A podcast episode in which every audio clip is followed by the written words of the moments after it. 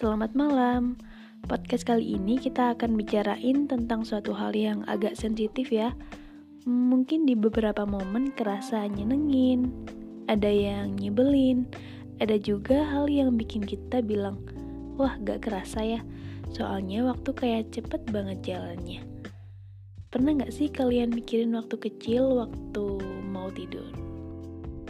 Maksudnya kayak flashback gitu sih kalau aku sering banget mulai main di sawah waktu kecil, main sepak bola dengan teman laki-laki, main layang-layang, uh, dan banyak hal yang lainnya.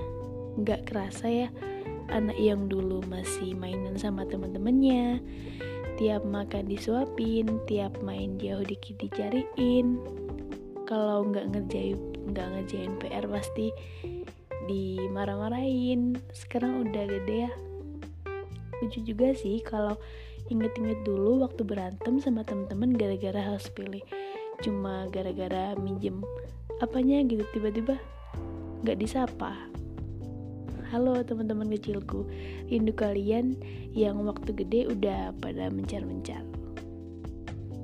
Di masa-masa sekolah juga banyak hal yang dikangenin. Mulai bangun kesiangan terus pernah gak mandi eh di sekolah dihukum guru? Jailin guru sama teman sekelas. Apalagi waktu duduk sama anak cowok pernah sih itu semeja kemudian dibuat batas. Kalau ngelewatin batas itu bakal dijiwit. Kalau kalian pasti banyak hal yang berkesan juga kan? Halo teman-teman sekolahku rindu sekolah nggak kalian? Kalau aku sih pasti tapi di masa sekarang kita harus dihadapkan dengan kehidupan nyata yang baru kerasa nyatanya.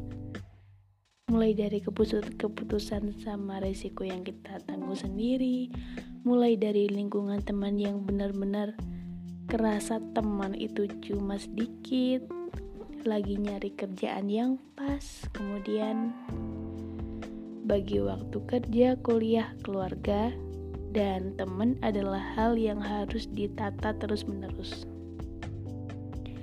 Lagi nyicil buat tabungan, terus bangun dikit-dikit mimpi yang dulu cuma angan-angan, dan sedang fasenya nyari jati diri.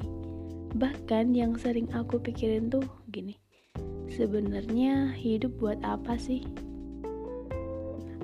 Itu hal yang buat aku lebih semangat gitu aja sih. Dan udah waktunya juga buat nyenengin orang tua karena mereka udah gak se sekuat dulu. Oke okay, selamat buat kalian yang udah bertahan sejauh ini. Terima kasih dan terima kasih banyak udah bertahan sejauh ini. Terus rajut mimpi-mimpi kalian. Ingat gak ada mimpi yang salah dan gak ada proses yang sama Oke, cukup sekian. Jangan lupa kalau mau sampaikan feedback bisa langsung ke email aku yang udah kutulis di deskripsi ya. Thank you.